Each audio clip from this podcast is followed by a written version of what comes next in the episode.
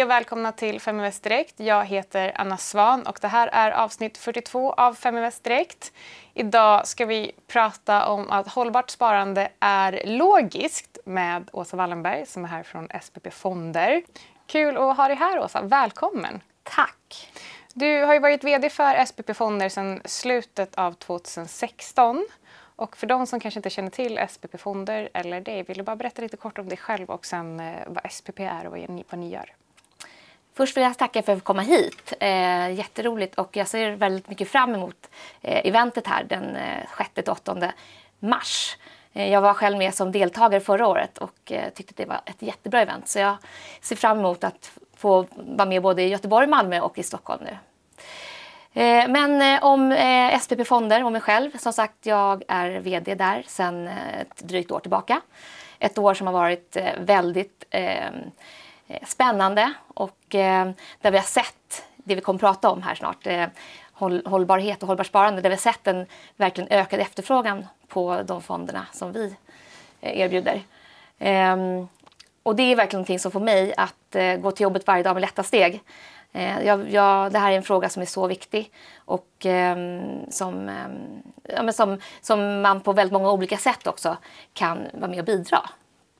Exakt, jag läste faktiskt en studie för inte så länge sedan där de eh, sa att eh, det bästa sättet att påverka sitt koldioxidavtryck det är inte att sluta åka flygplan, det är inte att sluta köra bil.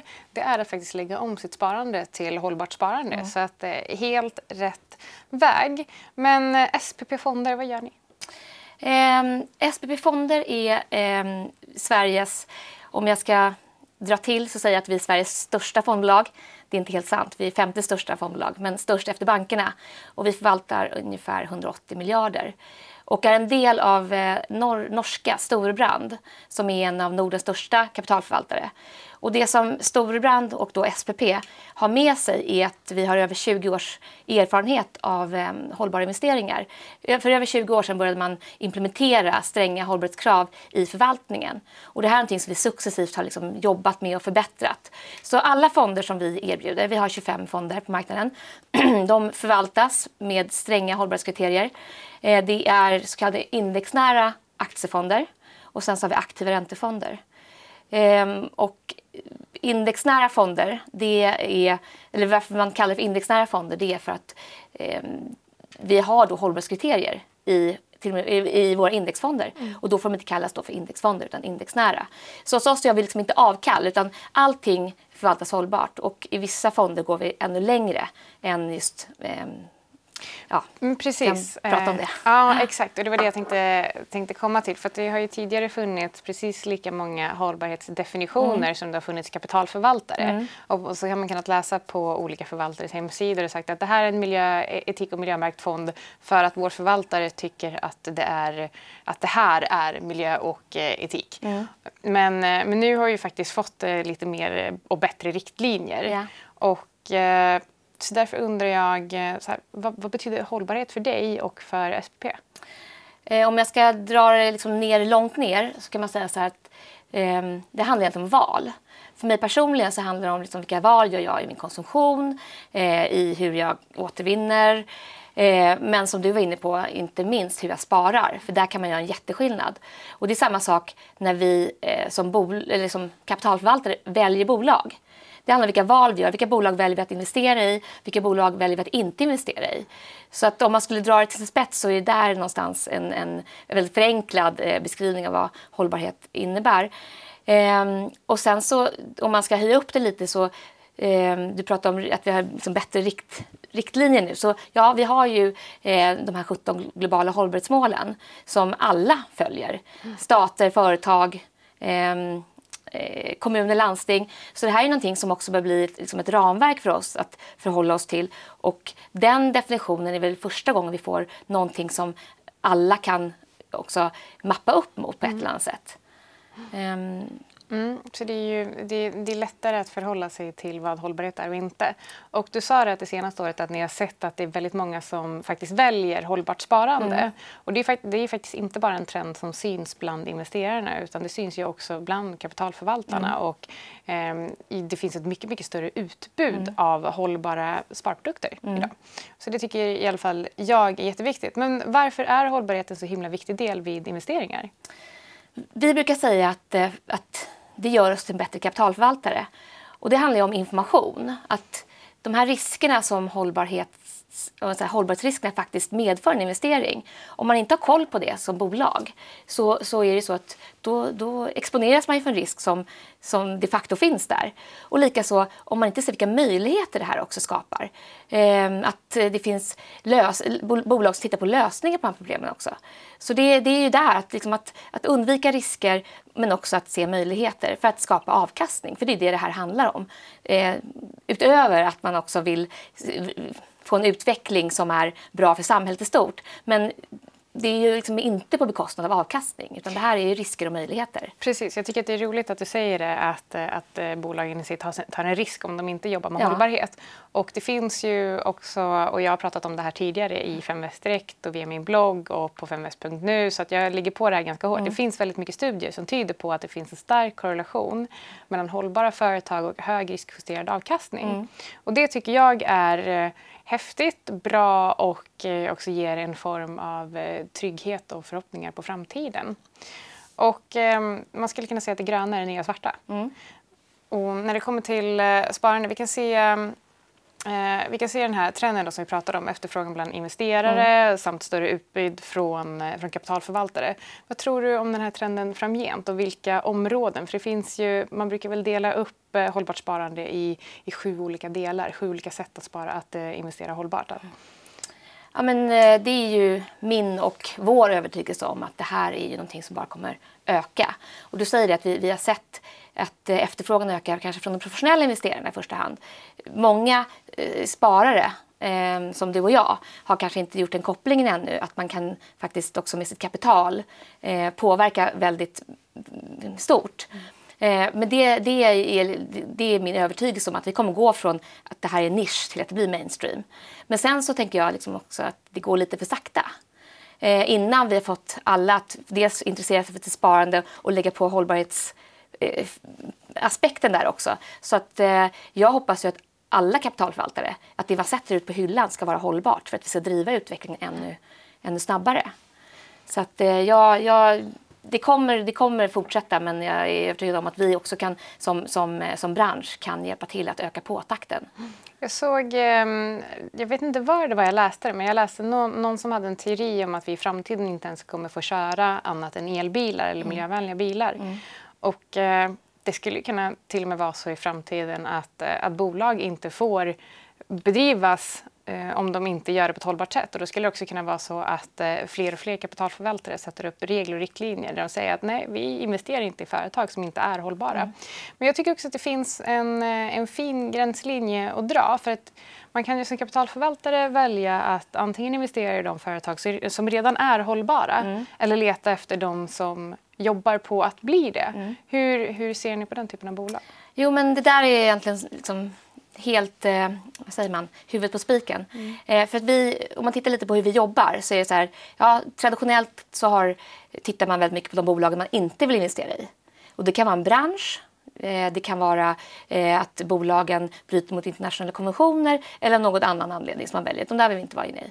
Sen så är det de bolagen vi vill vara inne i, som vi vill investera mer i. Och då är de bolagen som någonstans har en strategi som som ser framtiden som vi ser framtiden. Och där kan det vara bolag som är under omställning. Att det finns bolag som kanske idag inte egentligen är det bästa bolaget. Men vi har lång, lång perspektiv. Och det är också ett sätt att hjälpa till att få att driva förändring. Att också våga investera i de bolagen. Och sen så är ju ett viktigt eh, instrument som vi har, det är ju att kunna också eh, som aktiv ägare driva dialog med bolagen. Så att eh, så man kan påverka också en, en förflyttning och en förändring.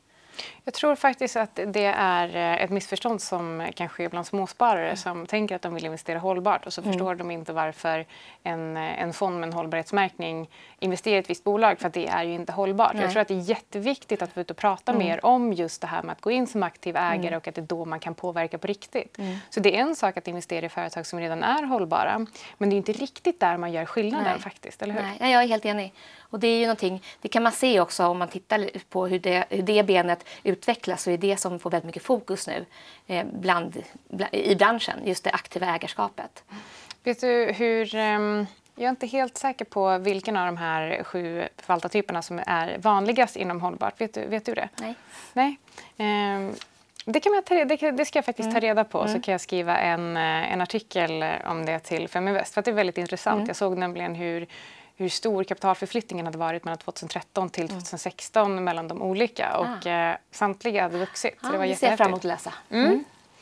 Och eh, eh, den här eh, hållbarhetsanalysen som ni har valt att mm. implementera, mm. Hur, hur ser metoden ut för den här investeringsprocessen? Jag förstår var, att det är olika beroende på. Ja, och det var lite det jag var inne för på mm. de här tre stegen där man liksom väljer bort och väljer in och påverkar. Men det som, som jag tror också eh, är viktigt att belysa är att det här är ju allting som är klart. Vi har, det här är ju en, det är ju väldigt många personer som jobbar med den här analysen eh, och hela tiden förfinar och utvecklar för att hänga med. Det som var, det som var eh, höga, höga krav för tre år sedan är inte det idag.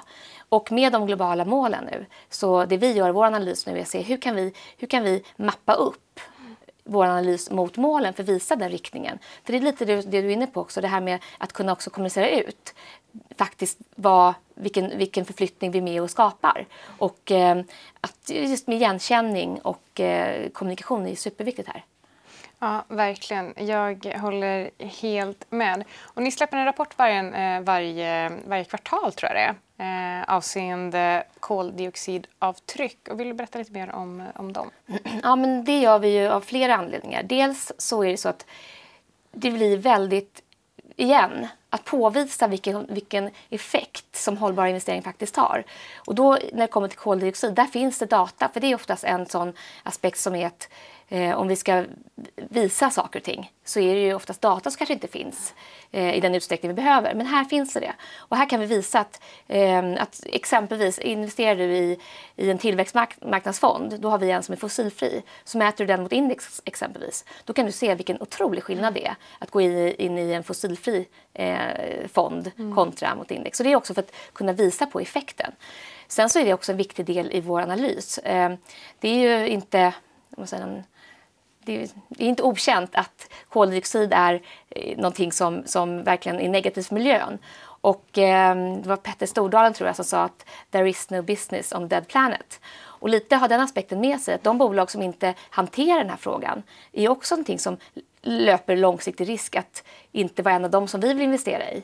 Plus att om man tittar också på nu har jag pratat om hållbarhetsmålen, men det kommer ju också regleringar eh, på en del saker. Du sa förut det här med bolag som inte, som inte är hållbara kanske man inte kommer att få investera i. Och det är ju så att om kostnaderna på utsläpp går upp jättemycket, vad händer med de här bolagen då? Så mm. det är flera aspekter. Dels för att kunna påvisa och sen så att ha koll på de här delarna i, i investeringarna. Mm. Och vad, ehm, vad tror du att enskilda småsparare kan göra för att bidra till hållbarhetsarbetet? Inte bara genom att välja kanske hållbara fonder utan vad ska man titta på som småsparare när man tittar på enskilda bolag? Har du något bra tips där? Ja, men jag tror att det handlar dels om att, vad du själv har för intressen. Mm. Alltså vad är det för frågor som du, som du, um, som du, som, som, som du tycker är viktiga?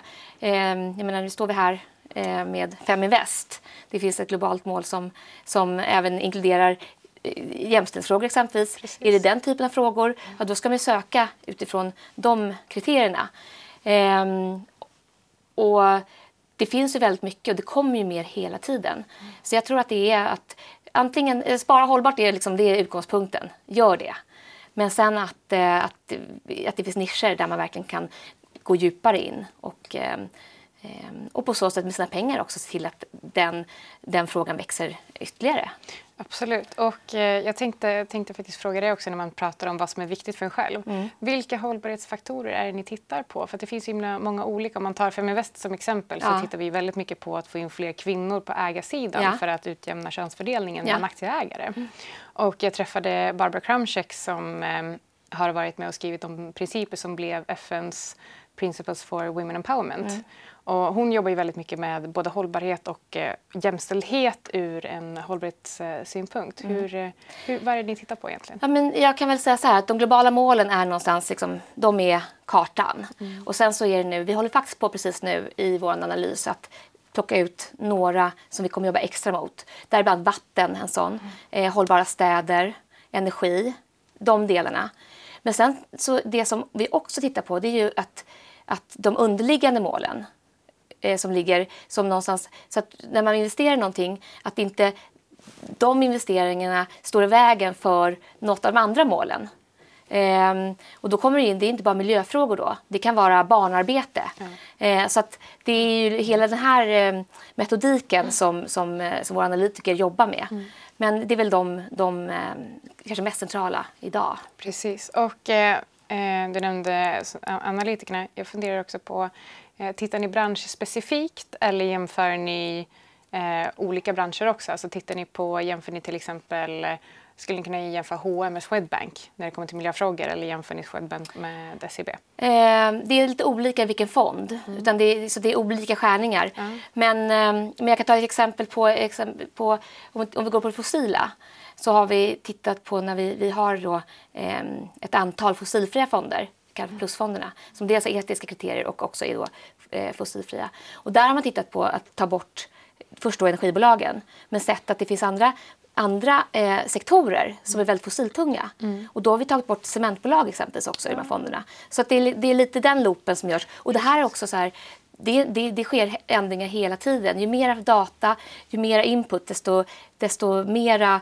Eh, säga, ju fin, finare blir analysen. Och så är det fortfarande för indexnära fonder. Så det är ju, det är ju eh, en metodik som är eh, ett maskineri ja, som verkligen absolut. går. Jag läste att ni hade valt att implementera en hållbarhetsanalys vid er kapitalförvaltning. Hur ser den här metoden för investeringsprocessen ut? Ja, Ehm, som jag sa tidigare så har vi har jobbat med att eh, ha, implementera hållbarhetskriterier i vår förvaltning i över 20 år. Så att den här metoden har ju utvecklats väldigt mycket och gör fortfarande. Ehm, men eh, allt kapital eh, screenas någonting som vi kallar för storbrandstandarden. Då tar vi bort bolag som bryter mot internationella, internationella konventioner, eh, mänskliga rättigheter och den typen av, eh, av konventioner. Och även en del eh, branscher där vi inte vill vara. Eh, sen på det så, så är det, handlar det också om att välja in som vi pratade om tidigare. Eh, och då kan vi gå olika långt i olika fonder. Eh, vi kan eh, införa, et, eller vi har flera fonder, etiska kriterier. Det vill säga där vi utesluter spel, eh, tobak, pornografi, alkohol och vapen. Ehm, och det är ju de etiska kriterierna. Och sen så i vissa fonder så går vi också ännu längre där vi då tar bort liksom exempelvis det fossila ehm, och eh, exkluderar då energisektorn. Ehm, och vi kan gå ytterligare ett steg. Att i de fonderna även eh, dedikera en del av fonden till att investera i det som vi kallar för lösningsbolag. Så 10% av de här fonderna som jag som då kallas plusfonder. Eh, där har man en, en del bolag som bara eh, jobbar med eh, lösningar på hållbarhetsutmaningar. Det är ju jättehäftigt. Så det finns det kanske till exempel techbolag som jobbar med att rena hav och sånt. Det behöver inte vara ett exempel som ni har i fonden. Men det finns Nej, men det är absolut så. Det är, ja. och det är, så det är den typen av bolag som vi tittar på där och, och, ehm, och har i de här portföljerna. Det är ju faktiskt jättebra för att då får man verkligen in olika typer av hållbarhetsstrategier i, i sin investeringsprocess. Ja. Och det är fortfarande en indexnära fond, vill jag tillägga. Ja, det är ju det är verkligen, ännu bättre ja. för de som, vill, som gärna vill spara enkelt men vet inte vad de ska välja. Nej. I så fall eh, i så fall är SPP ett bra alternativ. Men eh, ni släpper rapporter gällande era koldioxidavtryck varje kvartal. Mm. Vill du berätta lite mer om dem och vad ni kommit fram till där? Det som många frågar efter är ju hur kan vi visa att det gör skillnad? Och här är ju den rapporteringen vi gör på koldioxid är ett väldigt bra exempel på att, att, man, att man faktiskt gör skillnad eh, när man investerar i, i fonder som, eller i bolag som har lägre koldioxidavtryck. Eh, och eh, ett exempel som, som man kan titta på det är vår tillväxtmarknadsfond Plus. Som, eh, där det är väldigt tydligt på en tillväxtmarknad vilken skillnad det gör när man investerar i en fossilfri fond kontra mot index. Eh, men sen har vi en annan aspekt. Det är ju det att ehm, eh, Petter Stordalen har sagt det bra att eh, there is no business on a dead planet. Och de bolag som inte har med eh, de här aspekterna i, i, i sina strategier framåt är de värda att investera i? Så det är också ett sätt för oss som kapitalförvaltare att, att se vilka bolag är det som faktiskt har det här under radarn. Vi pratar också om globala, de globala målen. Eh, utöver att vi har globala mål så har vi också regleringar som kommer. Och det är väl inte någon liksom osannolikhet att det kommer att sättas ett pris på utsläpp i framtiden. Mm. Eh, och det kommer också påverka de här bolagen. Så att, att, ha, att ha att ha koll på koldioxid är ju, tror jag, en, en, en bra del i analysen. Precis, och precis som eh, vi sa tidigt i programmet mm. så är det bästa sättet att minska sitt eget koldioxidavtryck att mm. lägga om sitt sparande till ett hållbart sparande mm. och då framförallt sitt pensionssparande. Men för att knyta an till den här rubriken som det här avsnittet har, varför är hållbart sparande logiskt? Jag skulle vända på den frågan och säga, hur kan man inte ta hänsyn till de här frågorna. Vi pratade tidigare om risker och möjligheter. Eh, vi pratar utifrån kanske investeringar här, men eh, det är ju faktiskt så att i vissa länder, nu, nere i Kapstaden, det finns inget vatten. Har man som bolag inte eh, tagit hänsyn till det så är man liksom out of business. Mm. I, I, vissa städer kan, vi, kan, man inte andas. Det här blir ju liksom reella problem som måste lösas. Och då de bolag då som jobbar med att hitta lösningar, det är de som det är dit kapitalet kommer gå. Och likaså de bolag som inte har sett det här är ju, de, de, de löper en väldigt stor risk att inte vara med på resan framåt. Så att jag skulle snarare säga att hur vågar man inte eh, ha med det här i sina strategier? Ja, jag kan verkligen hålla med dig eh, om det. Och eh, vi har också pratat lite om vad enskilda småsparare skulle kunna göra eh, för, eh, för att bidra till hållbarhetsarbetet. Men slutligen, vad kommer vi få höra mer om den 6-8 mars? Eh, jo, då kommer vi att prata ännu mera om varför det är smart att spara hållbart. Och det både för plånboken och för planeten. Det ska bli jättekul att ha er med och jag hoppas att ni som har lyssnat eller tittat också är med på plats eller via webben i efterhand för alla eh, presentationer kommer spelas in så att ni får se mer av Åsa ändå, även om ni inte har möjlighet att vara där. Men tack så jättemycket för att eh, du kom hit idag och vi ses igen den 6 mars. Tack, vi ses.